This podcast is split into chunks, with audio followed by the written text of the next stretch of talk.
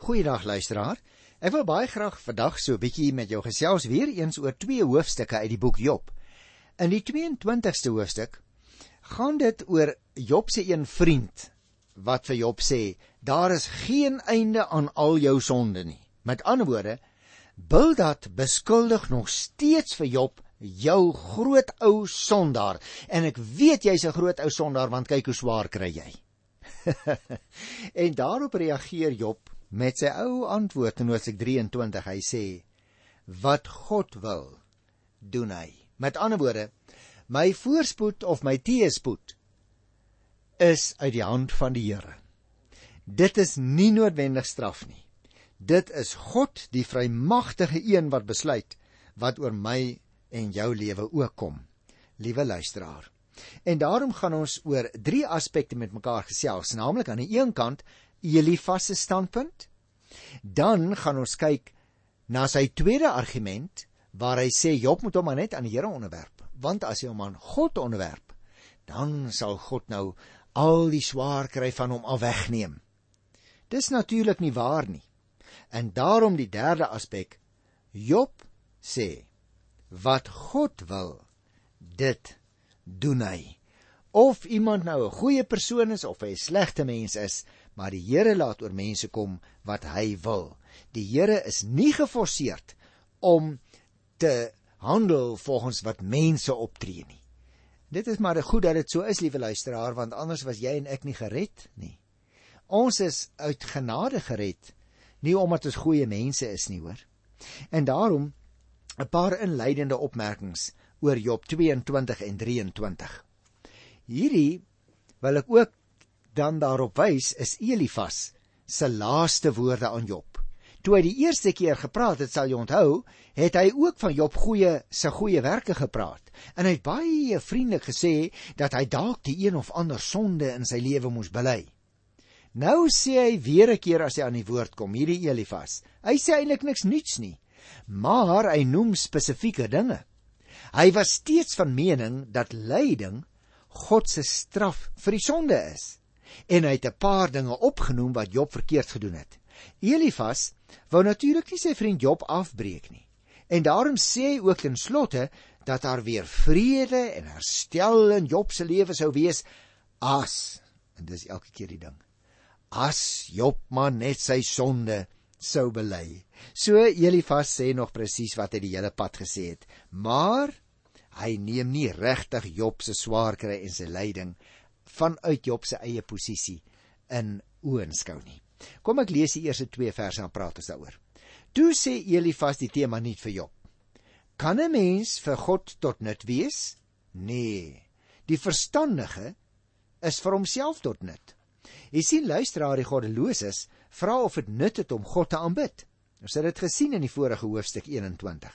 Elifas vra nou in sy derde ronde of 'n mens vir God tot nut kan wees. En hieroor laat Elifas hom sterk negatief uit, maar hy beantwoord die vraag wat Job namens die goddelose vra. Jy sien, die verstandige wat vir God dien, is vir homself tot nut. So redeneer Elifas want so verdien die goddelose mens God se guns en so word hy voorspoedig. Maar nou, as hy verder praat hierso van die 3de vers af, dan kom daar 'n nuwe aspek na vore. Luister.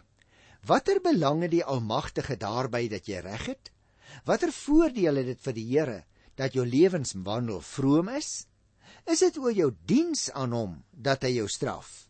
Dat hy 'n saak teen jou het? is jou verkeerde dade dan nie baie nie? Daar is geen einde aan al jou sondes nie. Sonder regverdiging het jy van jou eie familie goed in pand gevat. Jy het die klere van die wat niks het nie van hulle afgestroop. Jy het vir die wat uitgeput was nie water gegee nie en jy het geweier om die wat honger was kos te gee. Jy, 'n ryk man, het grond in besit gekry. Jy, 'n man van aansien, woon op daardie grond. Jy sien, liewe luisteraar, God trek geen voordeel uit die mens se vroom lewenswandel nie. Jy moenie dink dat die Here heiliger word as ons hom aanbid of dien nie. Nee. God bly in homself. Heilig, heilig, heilig. Ons ontrou neem niks af van God se heiligheid nie. Maar vers 4 en 5 het ons geleer, God straf egter nie 'n mens oor sy diens aan die Almagtige nie. Wel straf hy ons oor ons verkeerde dade, oor ons sondes, waarvan Elifas nou 'n hele klomp opgenoem het, daar in vers 4 en vers 5. Maar die 6ste vers het dit duidelik gesê dat hy sonder rede van sy familie goed in pand gevat het. En die wat niks het nie, se klere is met geweld van hulle afgestroop. Hy het die mense honger en dors weggestuur. Toe hy reeds ryk was, het hy ander se grond afgevat. En liewe luisteraar, dit is natuurlik substansiële klagtes wat hier ingebring word, né? Maar kom ons luister hier van die 9de vers af. Maar jy Jy het weduwees met leë hande van jou af weggestuur en weeskanners sonder heenkome ge gelaat. Daarom is daar net vangstrikte rondom jou en het angs jou skielik oorval. Daarom is dit so donker dat jy nie kan sien nie en verswelg vloedwaters jou. Is God dan nie hoog in die hemel nie? Kyk net hoe hoog sit al die sterre. Nou 'n mens wil 'n bietjie skrik as jy hierdie dinge lees. Maar weesde kinders en weduwees wat hier genoem is, luisteraars moet ons onthou is destyds onversorg weggestuur. Vir ons lyk dit nou baie wreed, maar dit het dikwels so gebeur. Uit die 10de vers leer ons dat as straf beland Job in vangstrukke en beleef hy die angs van 'n gevangene. Ag, van vers 11. Arme Job is soos iemand wie se pad donker geword het of een wat deur vloedwaters verswelg is. God het die sterre gemaak en dis hoër as hulle in die hemel. So luisteraar, mens kry hier 'n baie duidelike, ek wil amper vir jou sê 'n hele emmer klippe wat Elifas in die rigting van sy vriend slinger. Hy sê ag Job, 'n mens moet nou nie so dom wees as jy nie man. Dit is mos nou so. Jy is 'n sondaar. Ek kyk na alles wat jou getref het en hoe swaar dit met jou is in jou lyding wat so byna te swaar is om te dra, dan is af my net een afleiding en dit is jy is 'n sondaar. Want onthou jy dan nie in Anhalo Elifas aan het Eksodus 22 vers 22 weduwees en weeskinders is onversorg weggestuur. Met ander woorde as straf ou Job beland jy soms van tyd tot tyd in vangstrukke en beleef jy die angs van 'n gevangene. Jy is soos een wie se pad donker geword het of een wat deur die vloedwaters verswelg is. God het die sterre gemaak, man, en daarom is die Here hoër as hulle. Die Here is in die hemel bo kan die sterre. Nou hoekom sou Elifas dit sê, luisteraar? Hy sou dit sê omdat hy vir Job wil oortuig Die een wat hierdie straf oor jou bring is regverdig en hy is hoër as die sterre. Hy's die heilige een man Job. sien dit in. Jy moet weet jy is 'n sondaar. En dan gaan hy verder hier van die 9de vers af waar hy verduidelik hoe dat die weduwees versorg word deur die Here en die weeskinders. Maar Job, wie wat? Jy word nie eers meer versorg nie. En daarom vriend, daar's net een afleiding. Jy is 'n sondaar. En dan kom ons by vers 13 en 14. Jy dink dalk, wat weet God? Hy regeer uit die donkerte uit. Daar is wolke rondom hom my en hy kan nie sien terwyl hy daar bo in die hemel gewel wandel nie. Jy sien, Elifas is besig om soos volg te redeneer. Hy sê: Omdat die Here so ver weg is, dink jy, ou Job, oor God, soos jy goddeloos is oor hom praat, man? Rondom hom, die Here is 'n donker. Hy kan nie in die donker of deur die wolke op die aarde sien nie.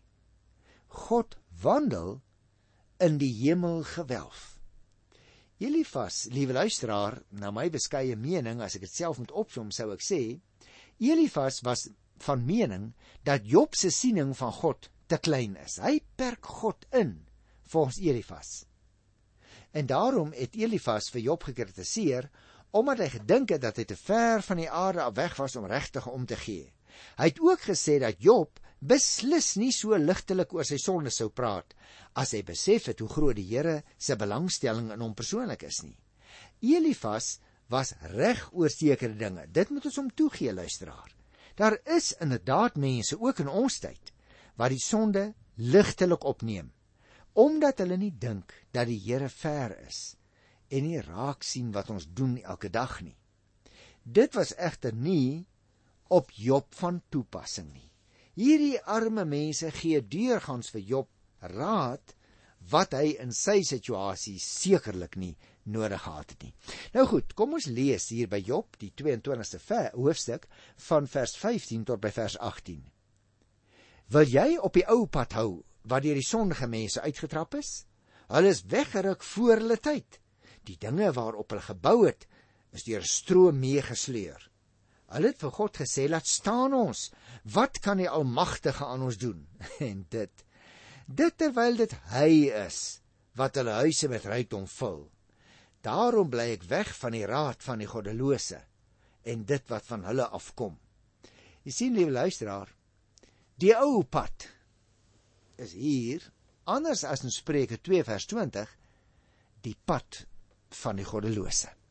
Met ander woorde, hy sê vir hom luister ou Job, as jy hierdie pad loop, dan loop jy eintlik die pad van die goddelose. Baie mense het naamlik daarop geloop en daarom het God hulle voor hulle tyd 'n gewelddadige dood in die vloedwaters gegee. Daar word dus nou weer 'n keer loodregte, direkte lyne tussen 'n situasie en 'n voorafgaande gebeurtenis getrek. As 'n mens kyk na vers 17 en 18 wat ek ook reeds gelees het, dan sal jy sien hy sê kom ek haal net weer aan net vers 18. En dit terwyl dit hy is wat hulle huise met rykdom vul. Jy sien, uh, liewe luisteraar, die Here sê vir Job, man, jy moet baie versigtig wees wat jy doen. Want 'n ryk man wat die Here dien, kom nie in sulke omstandighede soos die waarin jy is nie. Jy sien luisteraar, dit is asof hierdie raadgewers van Job net nie kan uitkom uit die situasie waarin hulle in hulle eie denkraam vasgevang geraak het nie. Nou kom ons kyk liewe luisteraar, hoe eindig hierdie man sy laaste uh dinge wat hy vir Job sê af in vandag se gedeelte. Hy sê naamlik vir hom en dis belangrik as ons raak sien in vers 20, ons vyande is daarmee heen. Vuur het hulle besittings verteer. Met ander woorde, hy wil baie graag hê dat Job dit moet insien en na sy mening is Job nou te dom om dit in te sien. Dit bring ons dan, liewe luisteraar, by die 23ste hoofstuk. En daar kom die derde aspek wat ek na verwys het by die begin van die program, nou baie duidelik na vore. In hierdie afdeling word die vraag gevra. Eintlik is dit 'n uitroep wat ek liewer 'n vraag moet noem. 'n Uitroep waarin Job sê: "Wat God wil, doen hy." Met ander woorde, luister vriend Elifas, Jy moenie 'n fout maak nie. Dinge loop nie teen 'n bepaalde wetmatigheid af nie. Dit is nie so dat as 'n mens sonde doen, word jy gestraf nie. Jy kan sonde doen. En wie wat? Die Here kan jou vergewe en dan word jy nie gestraf nie. En luister, dit is ook die wonderlike evangelie boodskap, die goeie boodskap van die Nuwe Testament, nie waar nie? Daarom bedui jy Job nou vir hierdie Elifas vriend wat ek vir jou gesê alreeds vir die laaste keer hier aan die woord kom. Job bedui vir bedui vir hom hoor hierso Elifas. Daar is nie 'n wetmatigheid wat afloop asof teen sy eie veer nie. Die een wat die vrymagtige een bly en wat doen wat hy wil, daardie persoon se naam is God. En voordat ek nou die versies behandel in Hosea 23 wil ek jou daaraan herinner, liewe luisteraar, Job het natuurlik tevore 'n uh, eh, bitterheid in sy hart gehad. Hy het in die 6de hoofstuk byvoorbeeld ook al gepraat as 'n wanhoopige mens as jy na hom geluister het. In die 12de hoofstuk by vers 4 het hy gesê 'n vrome is soms soos 'n grap. As iemand wat vir God as hy borg wil hê in die 17de hoofstuk. As iemand wat sy losser sal sien in die 19de hoofstuk sê dit onthou. En nou kla hy nog steeds uit opstandigheid. Dis asof die arends vlerke van geloof waarmee hy in die 16de hoofstuk hoog gevlieg het, nou vir arme Job laat val het. Tot waar hy nou weer begin het met sy eerste proteswoorde teen die Here. So kom ons lees die eerste 2 verse van Hosea 23. Toe het Job weer gepraat. Ek kla nog steeds uit opstandigheid en ek kan nie ophou kla nie. Jy sien luisteraar, Job besef ek is ook maar net 'n mens. En dit is asof ek ten spyte van die argumente wat ek weet van my vriende, argumente wat nie water hou nie, voel ek regtig in my binneste ontevrede. Want ek is ten minste iemand wat aan die Here behoort. Luister vers 3 tot 5 hy sê: As ek maar geweet het waarom God te vind, sou ek na sy woonplek toe gaan en maar my saak voor hom te lê. My pleidooie sou ek aan hom stel. Ek sou van hom antwoord probeer kry, probeer verstaan wat hy eintlik vir my wil sê. Dit is 'n ander Job wat is nou hier aan die woord, dit nie waar nie luisteraar. Die ongeduld wat ons in die 21ste hoofstuk ooit teëgekom het, wat eintlik agter sy klag sit, het nou meer gegroei as net ongeduld. Ek kan dit nou eintlik vir jou luisteraar niks anders beskryf nie as opstand, blaatante opstand teen die Here wat hier in Job se hart na vore stoot. Opstand ook teen sy vriende wat maar net nie by sy probleem wil op uitkom nie, maar veral dan die opstand teen die Here. By wie hy Job dan nou kan syns nie meer kan uitkom nie. En daarom in die 4de en die 5de vers het ek nou net gelees, as hy dit reg kry, sal hy sy saak wat met goeie pleidooie gestel kan word voor God belê om 'n antwoord te probeer kry op sy eie omstandighede sodat hy dus verstaan kan word. Jy sien, dis asof hy nou weer sy vriende wil begin glo. Kom ons luister dan by vers 6 tot by vers 9. Die Here sal tog nie met sy groot krag teen my 'n saak voer nie. Hy sal my dit nie aandoen nie, want dit sou opregte mens wees wat voor hom pleit en ek sou vir altyd deur my regter vrygespreek word. Maar gaan ek na die ooste toe, hy is nie daar nie. Na die weste, ek kry hom nie. Sou hy in die noorde aan die werk wees, ek vind hom nie daar nie. Sou hy na die suide toe draai, ek sien hom nog nie. Met ander woorde, wat is hy besig om te sê? En dit laat my dadelik dink, liewe luisteraar, aan Psalm 139. Waar die psalmis ook sê, dit help nie 'n mens probeer om vir die Here weg te vlug nie. Of jy nou noord gaan of suid as jy jou vind, of jy oos gaan of wes, jy kan God nooit ontvlug nie.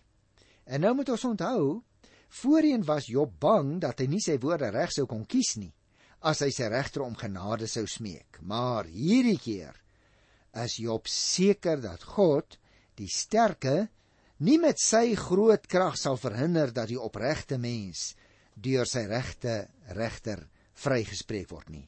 Want hy, die Here, sal nie onreg doen en 'n godlose vryspreek nie. Job is dus baie seker van sy saak, né? Maar sê hy in vers 98 8 en 9, Job se probleem is om by God se woonplek uit te kom waar die hofsitting moet plaasvind. Jy sien anders as die ondervinding van die koorleier op Psalm 139 waarna ek nou nou ook verwys het, kan Job vir God nêrens vind of sien nie. Dis of Elifas dit reggestel het. God is hoog in die hemel. Daarom luister na vers 10. En ek lees sommer tot by vers 12. Die Here ken my pad As hy my toets, is ek suiwer soos goud. Ek volg hom waar hy gaan. Ek hou op sy pad. Ek draai nie af nie. Sy bevel vir onagsaam ek nie. Ek heg meer waarde aan sy woorde as aan my eie begeertes. Jy sien luisteraar volgens hierdie verse stel Job sy saak om aan te dui dat hy 'n opregte mens is. Hy het dit in vers 7 ook al genoem om die Here as dit ware daaraan te herinner. In die saak kan God hom maar kom toets as hy wil. Hy wat Job is, is so suiwer goud, vry van elke onsuiwer motief en gesindheid. Nou luisteraar, ek dink dit is daarom 'n geweldige ding om te kan sê, né, dat Job werklik ten spyte van alles wat gebeur het, aan die Here getrou gebly het in elke omstandighede En nou is dit natuurlik so. In vers 11 en 12 blyk dit ook duidelik weer. God ken Job se lewenspad. Die pad wat deur die Here vir hom aangewys is.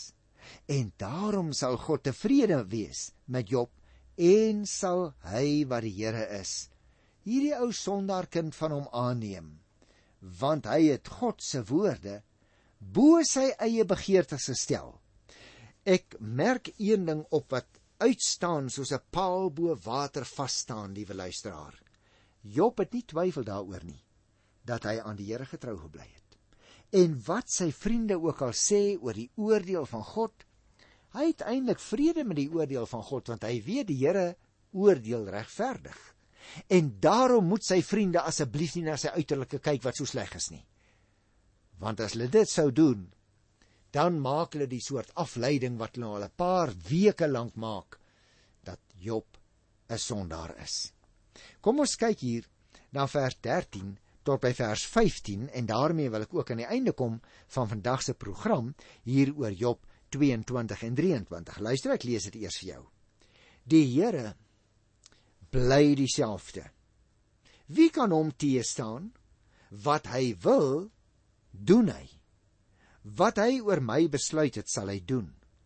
Wat sy planne met my ook al is. Daarom staan ek vreesbevange voor hom. Ek probeer verstaan, maar ek bly om vrees.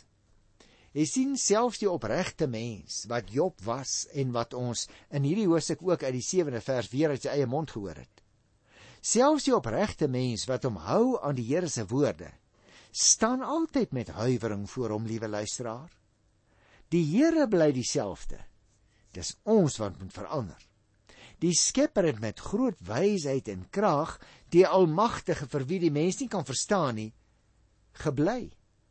En daarom bely Job baie duidelik wat die Here wil, dit doen hy. En daarom moet Job doodgewoon aanvaar wat God ook al oor hom besluit het want die Here God is tog die almagtige nie waar nie. Maar juis dit maak hom ook bang sê Job. Job se lyding is dus deel van God se planne met hom. En wat daardie planne ook al is wat die Here vir my gedagte het, dis goed en is reg en ek sal dit verduur. Julle hoef nie langer van my te verwag ek moet teen die Here vloek en teen hom in opstand kom nie. Is dit nie 'n geweldige wonderlike voorbeeld vir jou om ook na te streef in die luisteraar? Met hierdie verse is dit duidelik dat Job se gemoedstoestand baie gewissel het. Dit osilleer van kant tot kant. Dan het sy lojaliteit teenoor God bevestig geraak. En dan weer gee hy te kenne dat die Here sy vyand is. Sy vriende se woorde en sy eie gedagtes wat besig om sy vertroue in die Here te ondermyn.